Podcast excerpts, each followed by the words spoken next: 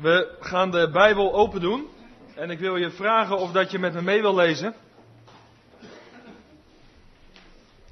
We zijn op de biddag begonnen met uh, de serie Bijbelstudies over het boek Nehemia. Ik wil daar vanmorgen mee verder gaan.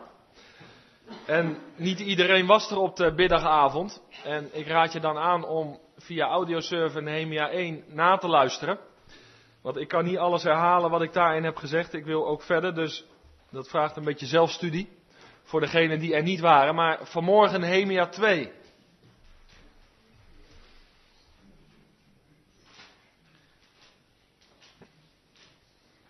En Nehemia 1 zou je kunnen samenvatten met drie B's. In de eerste plaats kreeg Nehemia bewogenheid. In de tweede plaats ging hij bidden. En in de derde plaats gaf hij een aanzet om te gaan bouwen. En dat is de juiste volgorde. Willen we echt bidden worden, dan zullen we eerst echt bewogenheid in ons hart moeten kennen. En alvorens we gaan bouwen, moeten we eerst bidden. En als die drie aanwezig zijn, dan wil God dat werk ook zegenen. Vanmorgen Nehemia 2.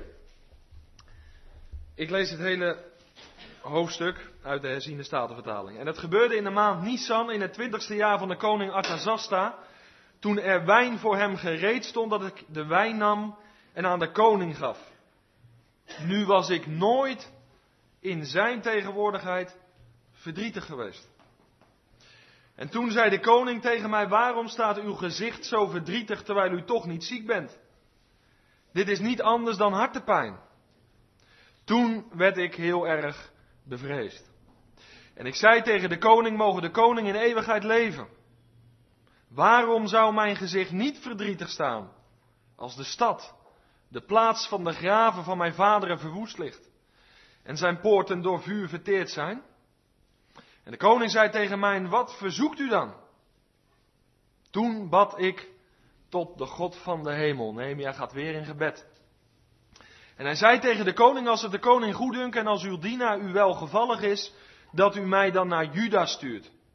Naar de stad met de graven van mijn vaderen, zodat ik die weer kan opbouwen. En toen zei de koning tegen mij, terwijl de koningin naast hem zat, hoe lang zal uw reis duren en wanneer zult u terugkeren? Het was goed in de ogen van de koning. Hij liet mij gaan toen ik hem een bepaalde tijd opgegeven had. We zullen laten zien dat Nehemia uiteindelijk 52 weken erover gedaan heeft.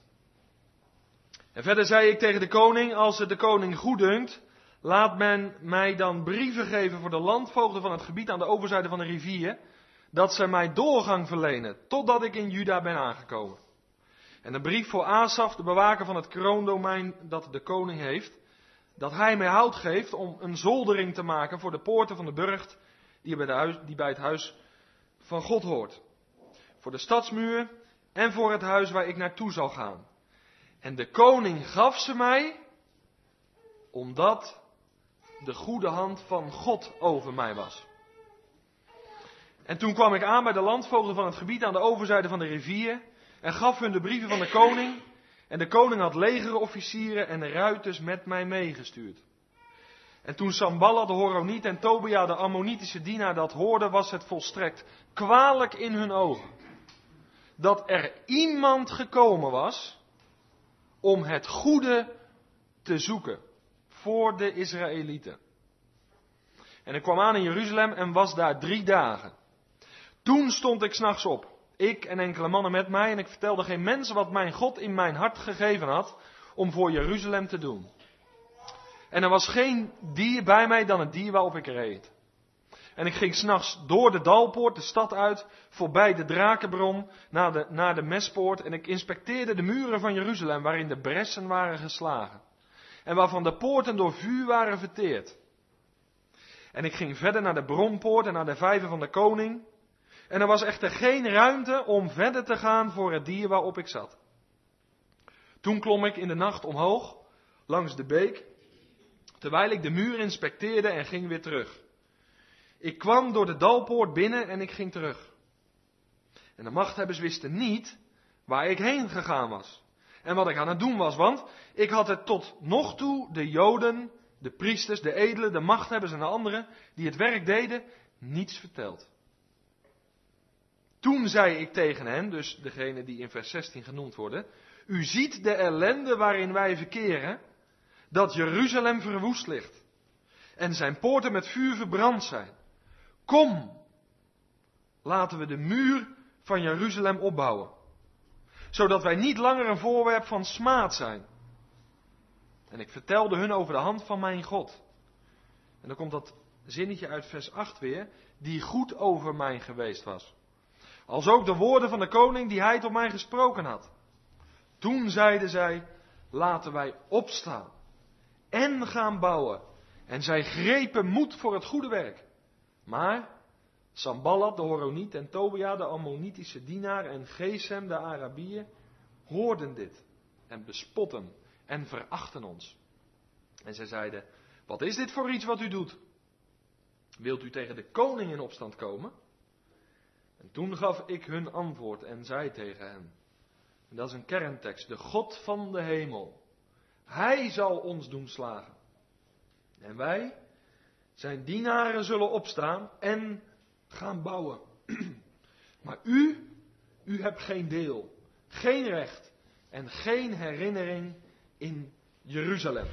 Tot zover dit gedeelte. Nehemia 2. Ik heb erboven gezet Nehemia in Gods kracht aan de slag. En aan de hand van vijf punten wil ik door dit Bijbelgedeelte heen gaan. Nehemia in Gods kracht aan de slag. We gaan nog één lied zingen, dat is 421, 1, 3 en 4. 421, 1, 3 en 4.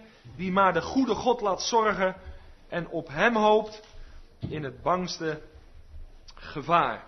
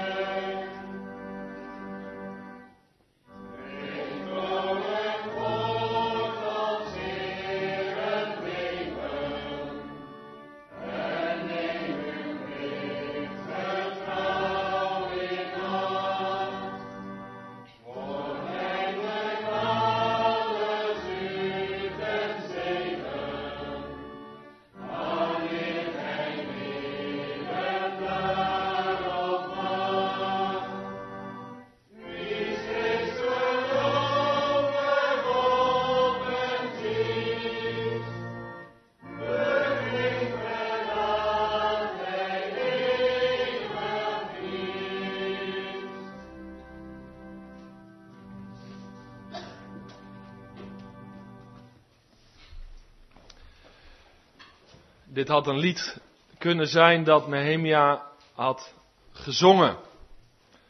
Een lied van geloof, een lied van hoop, een lied van gebed. Wat wij als christenen moeten leren, dat is dat God, als wij tot geloof gekomen zijn, ons niet bewaart en ons niet bespaart de moeilijkheden van dit leven. En ik denk dat heel veel christenen teleurgesteld zijn in God, omdat ze van tevoren niet de kosten overrekend hebben wat het betekent om Hem te volgen. God bespaart ons geen moeilijke mensen op onze levensweg. God bespaart ons niet de moeilijke omstandigheden in ons leven. Sterker nog, als we de Bijbel goed lezen, dan zien we dat er moeilijke omstandigheden in ons leven zijn, dat er moeilijke mensen op ons pad gebracht worden om ons te vormen. Om meer van de Heer Jezus in en door ons heen zichtbaar te maken. En ik moest gisteravond, was het of vanochtend vroeg, nog denken. Ik heb wel eens een gebed gebeden dat ik zei tegen de Heere God, Heere, die moeilijke dingen in mijn leven, die heb ik niet nodig. Ik blijf toch wel trouw aan u. Maar mogen ze nu een poosje wegblijven. En met name ook moeilijke mensen. Mogen ze even van mijn levenspad wegblijven, want ik blijf toch wel trouw aan u. Geloof me. En ik heb meerdere malen in mijn leven gezien, en ik kan de punten noemen, de momenten, dat God ze toch weer bracht. En ik uiteindelijk moet erkennen dat ze me dichter bij de Heer Jezus gebracht hebben. En dat ze me gevormd hebben. Terwijl ze niet prettig waren, die omstandigheden niet, die personen niet, maar ik ze wel nodig had. En dat moeten wij leren.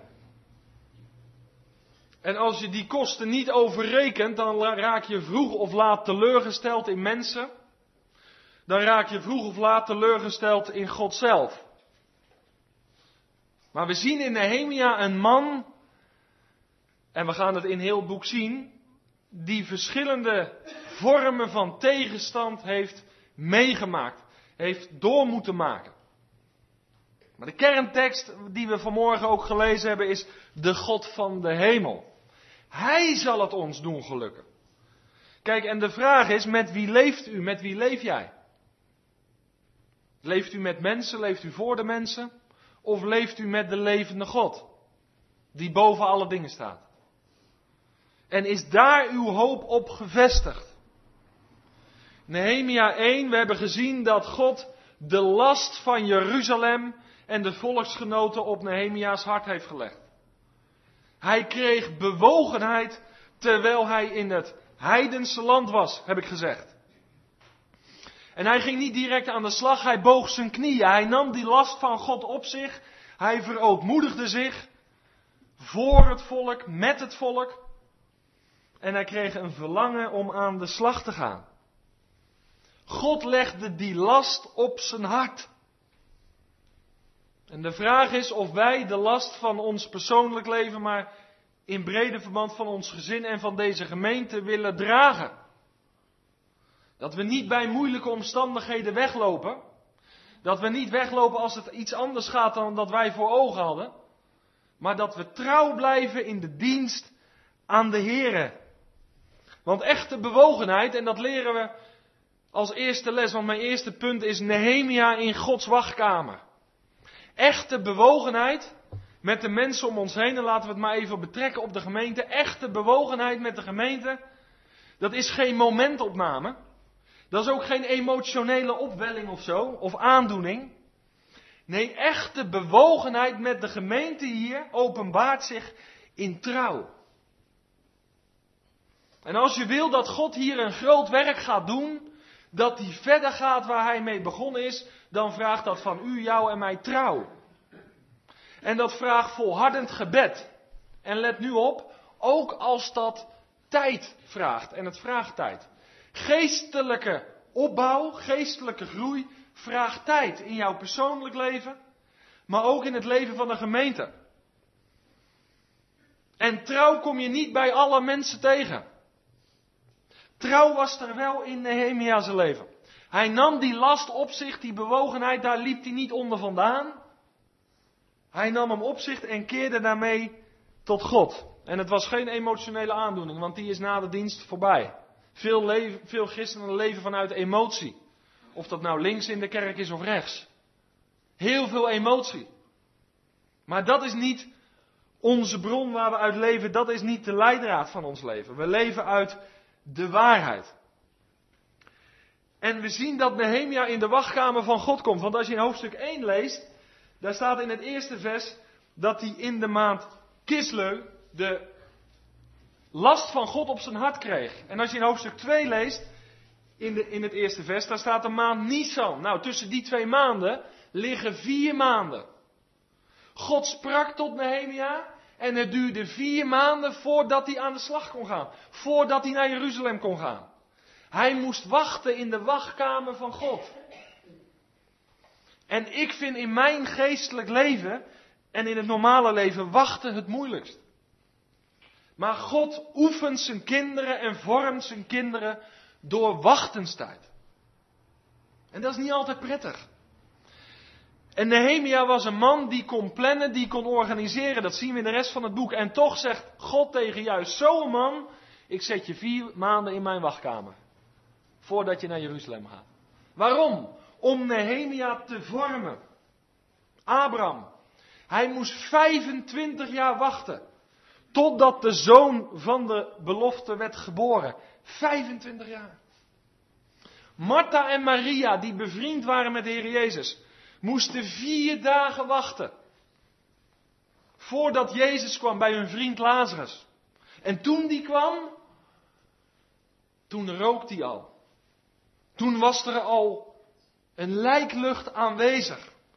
Naar de mens gesproken was Jezus te laat. Maar juist na vier dagen wachten werd het wonder voor Martha en Maria nog groter. Want hij wekte hem op. Wachtenstijd. Bij een sterfgeval, daar kan je toch geen moment wachten. Wij draaien snel 1, 1, 2, daar red je levens mee. Maar dan is elke minuut, ja dat zegt de slogan ook, als elke minuut telt. En de Heer Jezus liet zijn vrienden vier dagen wachten. Maar toen hij verscheen kwam er opwekking, letterlijk. Letterlijk. Als wij in deze gemeente opwekking verwachten, dan vraagt God van ons aanhoudend gebed. Ik laat u niet los. Tenzij.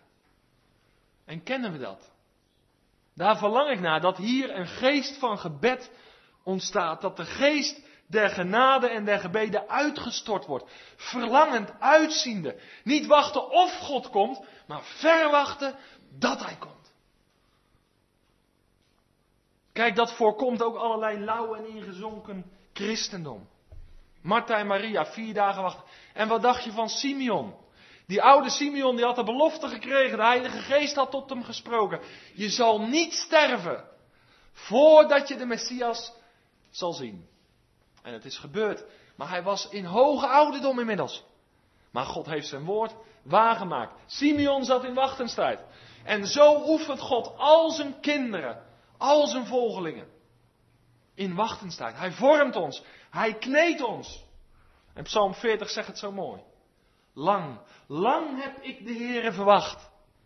En hij boog zich naar mij toe en hij hoorde mijn hulpgeroep. Wachtenstijd is een heel belangrijke periode in het leven van een christen. Wachtenstijd is niet altijd de meest prettige periode voor je vlees. Maar wel een hele heilzame en nuttige periode. Niet een periode van wanhoop, God komt niet. Maar meer een periode van wanneer zou die komen. Want komen doet hij. Tot mijn persoonlijk, tot mijn gezin, tot mijn gemeente. Maar wanneer zal die komen? Verwachten dat hij komt. Nehemia zat in de wachtkamer van God. Dat was mijn eerste punt. Het tweede is, Nehemia toont zijn emoties. Het eerste kenmerk van echte bewogenheid. Dat was bereid zijn om aanhoudend te blijven bidden. Totdat God overkomt. Het tweede kenmerk van echte bewogenheid is dat het tot uiting komt in je emoties. Want als iets helemaal door je heen gaat, dan komt dat er ook uit. Op de een of andere manier. Als je echt bewogen bent met iemand, dan doet dat wat met je. Dan doortrekt dat je helemaal in je emotie. Het gaat helemaal door je heen. Nou, dat lees in vers 2 en 3. Want de koning zei tegen hem: Waarom sta je gezicht zo verdrietig? Terwijl je toch niet ziek bent. Dit is niet anders dan hartepijn. En er staat in het eerste vers dat Nehemia in de tegenwoordigheid van de koning nooit verdrietig was. Als je voor de koning diende, dan werd er verlangd dat je met een blijmoedig gezicht daar actief was. Lange gezichten word je niet vrolijk van. Maar dat was aan het hof helemaal niet gewenst. En toch, Nehemia heeft het zo te pakken, de last van Jeruzalem en zijn volksgenoten, dat het gewoon zichtbaar is in hem. En dan kunnen we leren van koning Artazasta iets heel pastoraals. Kijk, we kunnen in de gemeente wel eens zeggen, joh, die heeft een zaggerijnig gezicht, die kijkt altijd zo moeilijk. Maar je zou ook eens kunnen vragen, zoals de koning, joh, wat is er aan de hand met je? Vraag je dat wel eens aan de ander? Of praat je alleen thuis over dat gezicht van die ander, maar je hebt hem zelf nog nooit in zijn gezicht gekeken? Dat is een wijze les van die koning. Die zegt, joh, wat is er aan de hand? Zo ken ik je niet. Er moet iets zijn wat je zwaar drukt. Ja, dat klopt. Dat is de last van God die op mijn hart gelegd is. Mijn volksgenoten en de stad Jeruzalem. En dat was de stad, heb ik vorige keer gezegd, die God verkoren had. Straks de stad van de grote koning. Die last was, God, was door God op zijn hart gelegd. En Nehemia die had verdriet, die had hartzeer, die had hartepijn. En dat toonde die ook. Kijk, je hebt mensen, als je daar iets vertrouwelijks mee deelt, een probleem of een zorg, dan gaat hierin en dan gaat er daar weer uit. En die zijn alleen benieuwd naar nieuwtjes. En sommigen zijn nog blij als ze de ellende van een ander horen ook, want dan zeggen ze, ja, ik zit er niet in in ieder geval. Maar bij Nehemia was dat niet zo. Het ging niet hierin, ja ook, maar het bleef hier hangen. En het doortrok hem en dat was zichtbaar. Dat is kenmerk van echte bewogenheid. Tweede kenmerk. Het doortrekt je helemaal in je emotionele leven. Het was zichtbaar. Is dat bij u, is dat bij jou wel eens zichtbaar? Dat de Heer iets in je hart legt. Een bepaalde nood, een bepaalde zorg of ook een bepaalde blijdschap. Kijk, wij hebben daar een beetje moeite mee, hè? Maar wil ik vanmorgen eens eerlijk vragen. Als wij beleiden hier vanmorgen, en als het nog niet zo is, dan moet je niet weggaan voordat je weet dat je ook behoort tot het huisgezin van God. Maar als we nou beleiden hè, dat, we, dat, we, dat we leden zijn van dat ene huisgezin, broeders en zusters. Mag ik dan eens vragen, laat je dan een ander wel eens in je hart kijken? Kijk, dat geeft een band in de gemeente. Dat geeft warmte. Kijk, als we hier zitten en, en, je zit op je stoel en je gaat weer weg. En je zegt, nou, het was aardig, of het was minder aardig. Maar, maar, maar deel je nou wel eens je hart echt? Je zegt, joh, ik loop daarmee. Zullen we samen bidden? Kijk, we zijn een beetje groot geworden met, doe maar gewoon joh, dan doe je al gek zat. Maar wil je echt een gemeente zijn, wil je echt een band krijgen met elkaar, geldt ook hier hoor. Want we kunnen tal van dingen organiseren, maar laten we elkaar wel eens in ons hart kijken. Of, of vinden we dat eng? En dan zeggen we, dit moet met name sterk blijven hier. laat niemand erin kijken, want ik ben... Waarom zou je zwakte niet tonen?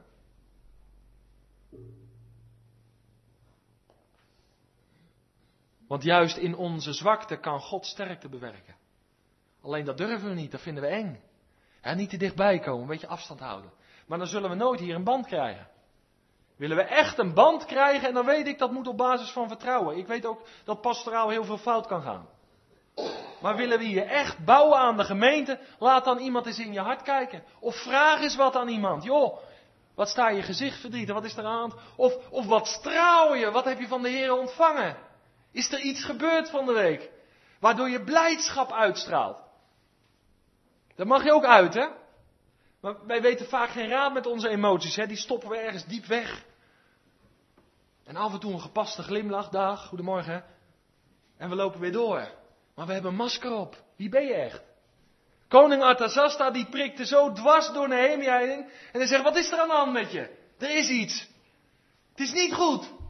Hij kende zijn dienaar. Kennen we elkaar een beetje? Dan moet je openkomen. Dan moet je je eigen ik los durven laten. Je eigen geven. Kijk, de gemeente is niet alleen consumeren iets aannemen, is ook iets geven. Iets van jezelf. Openkomen, eerlijk worden naar elkaar toe. Emoties horen bij het christelijk leven. Als u blij bent, uit het. Uit het. Verblijft u in de Heer. Wederom zeg ik u, verblijft u. En dat zal de ene ander doen als de ander. Dat is maar allemaal helemaal duidelijk. Maar wees open naar elkaar. Wij zijn toch dat huisgezin van God. En hebben toch niets voor elkaar te verliezen, maar ook als u verdrietig bent. De heiland is ons voorgegaan. De kortste tekst is dat Jezus weende. Johannes 11, vers 34 over Lazarus. De heiland toonde emotie. En Jezus was bewogen over Jeruzalem. Hij weende over haar. Waarom? Omdat ze zonder God doorleefde. En hem niet erkende als de reeds gekomen Messias. Och, dat u vandaag zou bekennen. Wat tot je vrede dient. God weent over u als u hier zit en u Jezus niet persoonlijk kent. En dan zegt hij, kom tot mij. Allen die vermoeid en belast zijn. En ik zal je rust geven. In een onrustige wereld. Rust in je hart. Waarom? Omdat alles vlekkeloos verloopt? Nee, maar omdat Jezus de mijne is en ik de zijne. Hoe dan? Heel eenvoudig. Door te geloven in Hem. Door je over te geven aan Hem. Met huid en haar, met alles wat in je is. Restloos. En je voor eeuwig aan Hem toe te vertrouwen. Moet dat lang duren? Nee, dat kan nu. Vandaag. God is het die ons zijn vriendschap biedt. Dat aanvaar je of dat verwerp je. En daar zijn geen wegen tussenin. Jezus weende over Jeruzalem. Mijn derde punt is, nu mag Nehemia zijn verzoek indienen. En dat is bijzonder, want Nehemia wordt eerst bevreesd. Dat, dat heb je wel eens. Hè? Iemand kan een rechtstreekse vraag stellen. Pas zei iemand, uh, dat weet net nog niet, maar pas vroeg iemand, uh, ga je nog wel eens met Annette alleen samen weg? Dat was een vrouw die dat vroeg. Die prikte een beetje door mijn agenda heen en die zei in één keer, ik zei, joh, dat vraagt nooit eens iemand aan me. Ja, je, bent aardig. Uh. Maar, maar dat, dat zijn wel eens van die vragen die, die kunnen op je afkomen en dan, dat, dat is zo. In één keer een opening. Nou, dat deed koning Artasasta ook. En Nehemia schrikt er een beetje van. Zou dit mijn positie kosten nu ik open kom? Maar je ziet, God legt de last op zijn hart, maar hij werkt ook verder. Hij werkt ook door. En dat is wonderlijk. Want Nehemia, die mag zijn last delen. Hij zegt de situatie van Jeruzalem en zijn volksgenoten. Hij dient zijn verzoek daarna direct in. En dat is wonderlijk. Wat je dan ziet. Want wat doet Nehemia? Gaat hij gelijk aan de slag? Hij gaat eerst weer bidden. Dat hebben we gezien. Vers 5. Vers 4, sorry. Toen bad ik tot de God van de hemel. Eerst gebed en dan een verzoek. Is dat de volgorde van je leven? Dat je eerst God raadpleegt en dan het verzoek indient. Het is wel een schietgebed. Even zo tussendoor.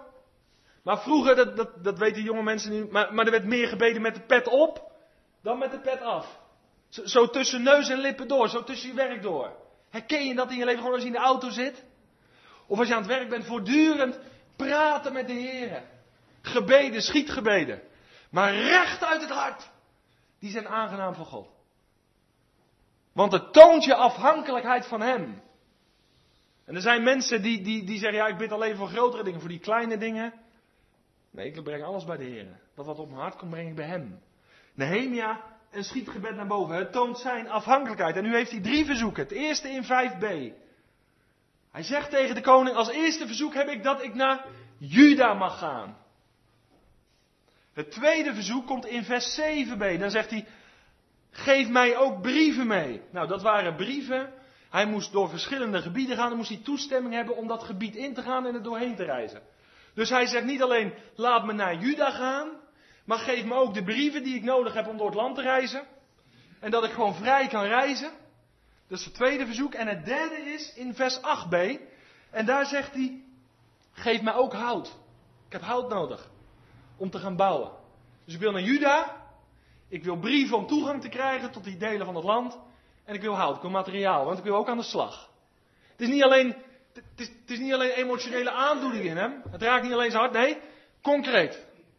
God vraagt van ons, als er iets in ons hart is, om concreet aan Hem voor te leggen wat wij nodig hebben, wat wij willen hebben. Veel mensen bidden heel globaal. Dat geldt ook als het gaat om zondebeleid. Ja, ik ben een zondaar, wilt u me vergeven? Nou, als, als, als Levi zegt, uh, papa, wilt u mij vergeven, ik heb het verkeerd gedaan. Dan zeg ik, nou ja, wat heb je verkeerd gedaan? Dan wil ik concreet weten wat hij verkeerd gedaan heeft. Dat hij zich bewust wordt wat hij misgedaan heeft, dat hij dat benoemt. Maar dat geldt ook met een verzoek. Hij moet concreet dingen aan mij vragen, niet globaal. En heel veel mensen bidden heel globaal. Standaard gebeden, clichés. Maar wees gewoon concreet naar God toe. Nehemia, ik heb drie punten genoemd. Dat diende hij bij God in, dat was concreet zijn verzoek. Zo mogen wij met de Heere God omgaan als wij Hem kennen in de Heer Jezus Christus als onze Vader. Concreet met Hem omgaan, niet vaag, maar een God van nabij en niet van ver. Hij dient drie verzoeken in. En dan het einde van vers 8, dat is zo geweldig mooi. En daar staat, en de koning gaf ze mij. En dan komt het hoor, omdat de goede hand van God met mij was. De koning Artazasta gaf ze mij. In dit gedeelte wordt Spreuken 21 waar het eerste vers Het hart van koningen is in de hand van de Heere als waterbeken. Hij, neigt het tot alles wat hem behaagt. Een hart van een koning in de hand van God als een waterbeek. Heb je zo wel eens naar Obama gekeken? Of naar de dreiging van Ahmadinejad? Hij is in de hand van God als een waterbeek. Hij moet meewerken aan dat grote plan van God. Ik hoef niet bevreesd voor hem te zijn. Hij is een pionnetje in de hand van mijn vader. En hij moet meewerken aan de uitvoering van dat plan. Spreuken 21 zegt het. Hij neigt het tot alles wat hem behaagt. Het zijn maar dienaren. En Artazasta moet mee gaan werken aan de herbouw van Jeruzalem. De stad van de grote koning. Opdat de smaad weg zal zijn. Dat is verlangen van God, ook vandaag voor de gemeente. Dat de smaad weg is. Maar dat de kracht en wervingskracht vanuit gaat. En wat was de reden dat de koning meewerkte? Hij zag dat de goede hand. De goede hand van, wat is dat? De goede hand van God. Psalm 118 zegt dat heel mooi. Gods rechterhand is hoog verheven. Des Heren sterke rechterhand doet door haar daan de wereld beven.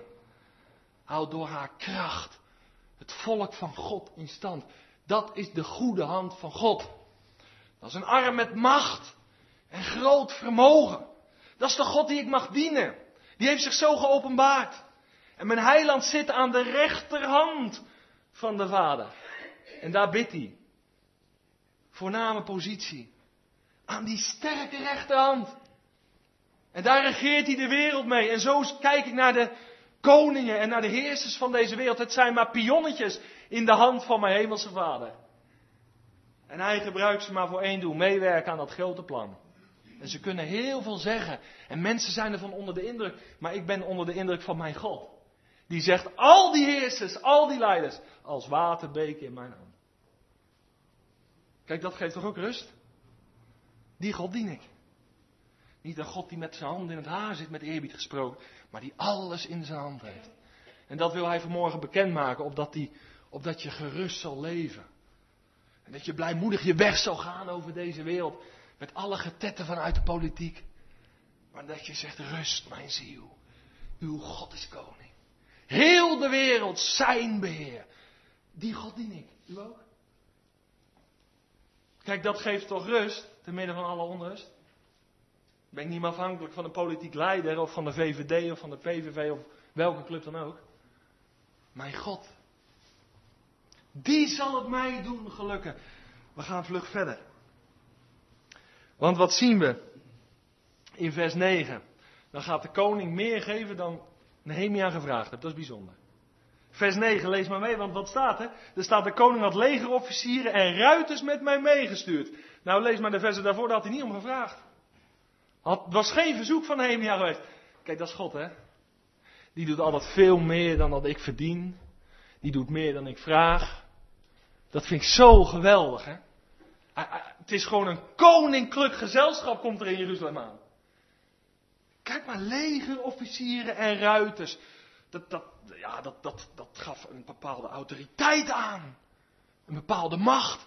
God doet boven bidden en boven denken. Het was niet het verzoek van Nehemia. Is dat herkenbaar in je leven?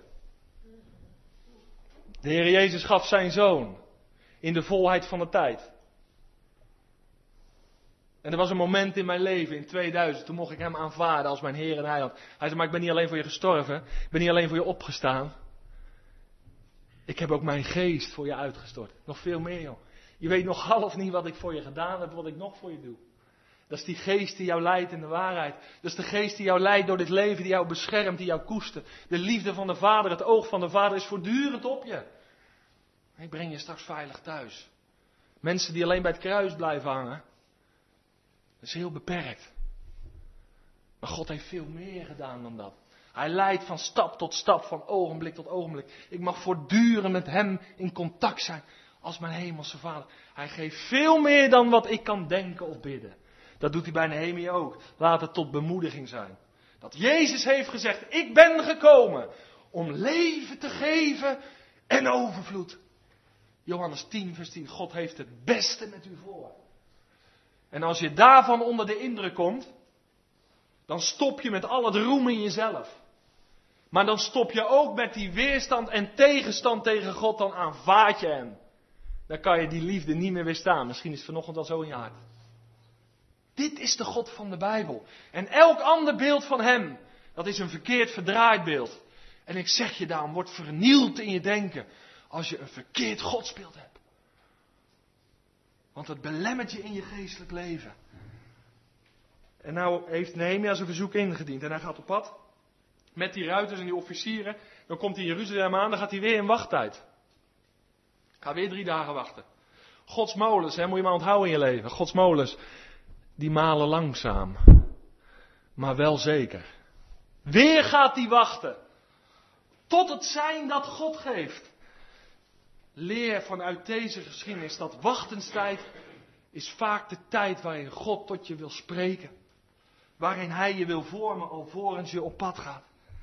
En Nehemia gaat zorgvuldig aan de slag. Want echte bewogenheid, dat is het derde kenmerk, zet ook in beweging. Mensen die alleen praten over bewogenheid, is geen echte bewogenheid.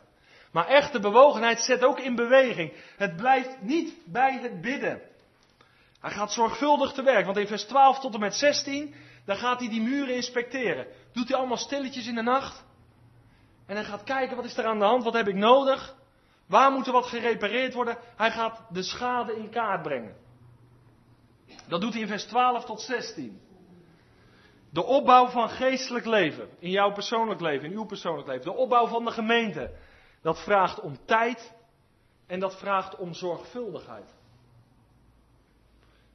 Ik ken heel veel christenen die, waren, die net tot geloof gekomen waren en die vlogen van de ene club naar de andere club en kwamen in allerlei kringen waar ze verkeerd gevormd werden. Maar je moet zorgvuldig te werk gaan. Maak gedegen luister of onderzoek gedegen Bijbelstudies. Zodat je vast voedsel tot je neemt. Breng de toestand van jouw persoonlijk leven in kaart. En roep een broeder erbij om daar mogelijk bij te helpen. Wat heb je nodig? Heel veel christenen laten zich in met dingen die ze op dat moment niet nodig hebben. Zijn van alles aan het onderzoeken terwijl ze de basisprincipes niet kennen. Benader dan een broeder en zeg: Dit en dit leeft in mijn hart. Wat denk jij dat ik nodig heb? Om die dingen tot je te nemen die je nodig hebt. Je moet het in kaart brengen. Je persoonlijk leven in de gemeente als oudste. Wat is hier nodig? Fijne gevoeligheid. We kunnen van alles organiseren, maar kijk wat is nodig. Zoals een Nehemia. En dan kan je op de nood inspelen. Dat waar geestelijk behoefte aan is. We kunnen tal van dingen organiseren. Ik ben in een jeugdbeweging geweest, die wilde van alles aan bijbelstudies doen. En toen ik dat merkte, toen heb ik eerlijk gezegd, ik zei, jullie zijn daar helemaal niet, niet aan toe. Je wil van allerlei weetjes weten. Maar je moet eerst naar de basis gaan. Dat heb je nodig. En uiteindelijk moesten ze dat bekennen. Kennen wij elkaar? Wat hebben we nodig? Kennen we onszelf? Wat hebben we geestelijk nodig? En dat vraagt tijd. Mijn vierde punt. Nehemia roept op tot actie. Hij blijft niet alleen bij de nood. Vers 17, bij het gebed staan. Hij zegt in vers 17 tegen die leiders: U ziet de ellende van Jeruzalem waarin wij verkeren, dat Jeruzalem verwoest ligt. De poorten met vuur verbrand. En dan zegt hij: Kom, laten we de muur van Jeruzalem opbouwen. Kom. Hij roept op. De kleinste woordjes in de Bijbel, heb ik hier eerder met een geestelijke groei gezegd, zit de meeste kracht in. U kent het voorbeeld van William Booth. Dat was de leider van het leger des heils. Die had werkers elders in de wereld.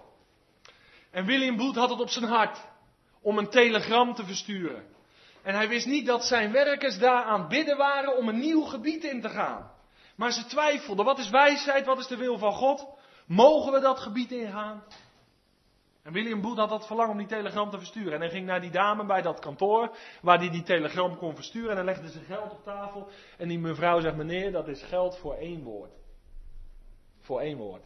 Telegram met één woord erin. En weet je wat hij schreef? Hij zegt: Zet hem maar op ga. En hij verstuurde het naar zijn werkers. En het was zo'n geweldige gebedsverhoring voor die werkers. Toen hun leider het telegram stuurde met het woord ga. En ze zijn een nieuw gebied ingegaan. De kleinste woordjes in de Bijbel zit vaak het meeste kracht in. Maar je moet ook gehoorzamen, want de Bijbel zegt hier: Kom, kom, laten we gaan bouwen, zegt Nehemia. In vers 17. En daarmee zet hij hen in beweging. Laten we de muur van Jeruzalem op gaan bouwen. En dan vers 18. En, en daar gaat hij getuigen, hè? En dat vind ik zo geweldig. Nehemia is een machtige leider, maar hij heeft het niet over zichzelf. Hij heeft voortdurend over die goede hand van God. Die komt in vers 18 weer terug. Wat, wat hij in vers 8 vertelde, zegt hij in vers 18 opnieuw. De goede hand van God is over mij geweest. Kijk, dat is een getuigenis. Moet niet altijd hebben over mezelf. Maar over de goede hand van God. Joh, wat is het geheim van je leven? Vertel het eens, wat is er gebeurd? Nou, ga zitten, de goede hand van God. Die heeft zo krachtig in mijn leven ingegrepen. Onweerstaanbaar. Hij heeft me overweldigd en overwonnen. Hij heeft me ingewonnen. Dat is die goede hand van God. Kijk, en dat getuigenis, daarin wordt God verheerlijkt. En alles waarin God verheerlijkt wordt, dat heeft werfkracht naar de wereld toe. Dat werkt aanstekelijk, want dat gaan we ook zien. Want wat zeggen ze dan in vers 18b? Dus hij zegt, kom. En wat zeggen die leiders? Laten wij. Dat moet ook het antwoord van jou en u zijn vanmorgen. Het gaat om je persoonlijk geestelijk leven, kom. Laten we gaan bouwen. Laten we geestelijk met elkaar de diepte ingaan. Als gemeente, kom. Maar u zou nu op moeten gaan staan. Tegen elkaar zeggen, kom. Laten we gaan. Laten we niet leven voor deze vergankelijke wereld. Met al het klatergoud. Maar laten we voor de Heer Jezus leven. Laten we ons geestelijk verdiepen. Laten we ons uitstrekken naar Hem met elkaar. Kom. En dan zeggen we, laten we gaan. Dat is het enige antwoord, want het andere antwoord is niet mogelijk.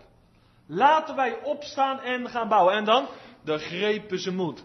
Soms heb je wel eens één persoon in je leven nodig waardoor je moed kan grijpen. Nehemia was de man die gaf moed in de leiders daar in Jeruzalem. Want de eerste groep was teruggekeerd onder Zerubabel, de tweede onder Ezra en de derde onder Nehemia. Dus er waren al twee groepen daar. Maar blijkbaar was het werk vertraagd of er was, de beweging was eruit. Dan heb je wel eens één man nodig. Dat kan. Of één vrouw. Die, die, die omgang met God heeft gehad. En die in één keer het verschil maakt. En zegt, dat leven, dat willen we leven. En dan is dat kleine woordje kom. Zet alle leiders van Israël, van Jeruzalem in beweging. Dat is geweldig om te zien, hè? God kan u, kan jou gebruiken als eenling.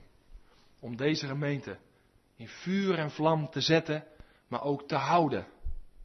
Voor de Heer Jezus Christus. Eén man of één vrouw. Ze grepen moed. Het gaat om de Heer Jezus Christus. Ik ga naar mijn vijfde en laatste punt. Nehemia die krijgt ook tegenstanders. Daar moet je op rekenen. Als God werkt, dan probeert de duivel daar altijd in te treden. En ik zeg het, Broeders en zusters hier, samen bijeen, let op, let op. Dat de duivel hier geen plek krijgt. Er zijn vossen die de wijngaard verderven. Dat zijn mensen die de gemeente binnendringen met valse lering. Dat zijn mensen die de gemeente binnendringen met persoonlijke motieven van eer en status en hoogmoed. Dat zijn geestelijk leiders die eerder misleiden dan leiding geven. We moeten nauwgezet zijn om de duivel geen plaats te geven. Want misschien had je gedacht dat ik vers 10 had overgeslagen. Maar vers 10 en vers 19 horen bij elkaar. Want daar ontmoeten we drie mannen. Sambalat, dat is een Moabiet. Tobia, dat is een Ammoniet. En Gesem, dat is een Edomiet. Een Arabier. Nou, dat zijn de omringende landen van Israël. En die komen in opstand. En nou moet je goed opletten, want nou zeggen ze in vers 19, wilt u tegen de koning in opstand komen? Nu moet je echt heel goed opletten. Dat is misleiding. Want het gaat u niet om de koning, moet je naar vers 10 gaan. Daar staat de echte reden en pas dat toe. Dat is profetisch wat daar staat. Op vandaag. In vers 10b staat de echte reden van de tegenstand van Sambalat, Tobia en. Wat staat er in vers 10b? Het was kwalijk in hun ogen. Wat? Dat er iemand gekomen was om het goede voor Israël te zoeken. Hier is de wortel van het antisemitisme tot op de dag van vandaag. Hier ligt de wortel van de jodenhaat. Het gaat ten diepste niet om het weerstaan van die koning of in opstand komen. Het gaat om de haat tegen het Joodse volk. Als wij het goede voor Israël zoeken, dan krijgen we tegenstand. Hier ligt de wortel. En dat is vandaag voor de gemeente niet anders. Als wij het goede voor elkaar zoeken. En het goede voor elkaar zoeken is niet alleen allemaal lief doen tegen elkaar, maar dat is ook elkaar met de waarheid in liefde confronteren. Als wij het goede zoeken, dan komt dat tegenstand. In ons persoonlijk leven, dan gaan mensen in je familie, of in je studentenkring, of op kantoor, of waar dan ook, die gaan je tegenstaan, die gaan je belemmeren, die gaan valse beschuldigingen tegen je gebruiken. En dat is heel aangrijpend, dat gebeurt hier ook. Door drie mannen, we zullen ze later in het boek nogal tegenkomen. Drie mannen die tegenstand bieden. En dat is hetzelfde als in de gemeente, ik heb daar net al wat van genoemd, van dwaling, Mensen die uit zijn op eigen eer, status, noem maar op. Als wij het goede voor de gemeente zoeken, dan moeten wij des te alerter zijn op de aanvallen die kunnen komen. Als wij geestelijke groei in de gemeente zien voltrekken of in ons eigen leven, dan moeten we des te alerter zijn op de tegenstand die kan gaan komen. Want daar waar niks groeit geestelijk, heeft de duivel ook geen werk. Maar waar hij werkt, de Heere God door zijn Heilige Geest, daar komt de duivel op af. En dat is heel persoonlijk in jouw leven zo, in uw leven zo. Dat is op je school zo. Moet je niet verbaasd over zijn. Dat is gewoon het gevolg. Dat is inherent aan het christen zijn. Tegenstand. Maar Nehemia gaat door, want hij komt bij vers 19. Want het enige antwoord wat hij heeft is. Hij roemt niet in eigen kracht. Zo van nee, dat komt wel goed. Ik zie het helemaal zitten. Hij zegt nee, de God van de hemel. De God van de hemel. Alle tegenstand. Laten we dat afspreken als gemeente, dat kan ik zo wel zeggen. Als hier tegenstand komt tegen de waarheid, of tegenstand op wat voor manier dan ook, zullen we dan afspreken vanaf vandaag. Dat we onze hoop alleen vestigen op de Heer Jezus Christus, de God van de hemel. Dat we daar met elkaar op gefocust zijn. En als we daar naar kijken met z'n allen, kijk maar eens naar boven met elkaar, dan kijk je niet meer naar elkaar. Maar dan is onze verwachting echt alleen van Hem. De God van de hemel. Hij zal het ons doen gelukken. En dat is het geheim van het overwinnende leven wat Nehemia leidt. Zie niet Nehemia zelf? Hij heeft zijn hoop gevestigd op de juiste persoon. Ik moet echt gaan afsluiten. Ik had nog veel meer om te delen. Maar tenslotte, twee mogelijkheden. Je bent vanmorgen of een bouwer, of je bent een tegenstander. En andere smaken echt, hoe je het ook went of keert, maar die zijn er niet. Je zegt vanmorgen, of mijn hart staat in vuur en vlam voor de Heer Jezus Christus. Want dat is het wat Nehemia zegt in vers 20b. In vers ja, 20b, daar zegt hij, de God van de hemel, hij zal ons doen slagen. En wij zijn dienaren, we zullen opstaan en gaan bouwen. Dat is de ene mogelijkheid. En je bent een bouwer als je de Heer Jezus Christus persoonlijk kent en leeft door zijn geest in de waarheid. Dan ben je een bouwer in je persoonlijk leven, in je gezin en in de gemeente. Dan behoor je tot de bouwers en niet tot de tegenstanders. Er zit geen groep tussenin. Je bent een bouwer of een tegenstander. En geef vanmorgen eerlijk voor God het antwoord in je hart. Ben je een bouwer? Heb je de Heer Jezus Christus hartelijk lief? Omdat Hij jou eerst heeft lief gehad en van daaruit heb ik de broeders en de zusters hartelijk lief. En met de een kun je misschien wel beter door de deur dan de ander, dat zei zo, maar ik heb hem hartgrondig lief. Omdat de liefde van God in me is. Ondanks alle tegenstand zal de God van de hemel mij en ons doen gelukken. Of is het zo wat in vers 20c staat? Maar u hebt geen deel, geen recht en geen herinnering in Jeruzalem. Nehemia was niet kinderachtig. Er waren twee groepen mensen, bouwers of tegenstanders. En zegt tegen Tob Tobia en tegen Gesem en tegen Sambalat, je hebt geen deel in Jeruzalem, je hebt er geen recht op. Je zal geen herinnering erin hebben ook. Maar korte metten. Maar helderheid en duidelijkheid, dat, dat hebben we nodig vandaag. Niet allemaal dat slappe gepraat. De duivel gaat rond als een briesende leeuw, die kijkt ook niet zo krap. Er zijn twee groepen, of je bent een bouwer, of je bent een tegenstander. Maar ik zal je vertellen, als je vanmorgen ervaart, ik ben nog tegenstander in maat, dan kan je nog van een tegenstander een bouwer gaan worden. En dat is heel eenvoudig door vanochtend te vluchten tot de Heer Jezus Christus. Die gezegd heeft, kom, ook een kort woordje. Kom tot mij. Allen die vermoeid en belast zijn. En ik zal je rust geven. Rust krijg je niet in godsdienst. Echt niet. Rust krijg je niet in religie. Links of rechts. Rust krijg je alleen in Christus Jezus. Doordat zijn geest in je hart komt wonen. Je kan van een tegenstander een bouw worden. Door eenvoudig Heer Jezus vanmorgen te aanvaarden in je eigen hart, in je eigen leven. En gewoon eenvoudig zeggen, dank u wel Heer Jezus. Dat u dat ook voor mij gedaan. Ja maar. Nee, niet ja maar. God is het die vanmorgen u jou zijn vriendschap heeft. Welmenend en ernstig. Opdat je mee gaat bouwen. En dat je het zingt met het lied, dat geweldige lied van Robert Murray McChain. Toen vluchtte ik tot Jezus. Hij heeft mij gered. Hij heeft mij verlost van het vonnis van de wet. En dan zegt hij, nu ken ik die waarheid. Zo diep als gewis. Dat Christus alleen mijn gerechtigheid is. En dan, nu reis ik getroost. In een onrustige wereld met zoveel tegenstanders. Maar nu reis ik getroost. Onder het heiligend kruis. Naar het erfgoed daarboven. In het vaderlijk huis. Mijn Jezus. Mijn Jezus geleidt mij door deze aardse woestijn. Hij heeft Nehemia geleid. Hij zal mij leiden. Hij zal ons leiden.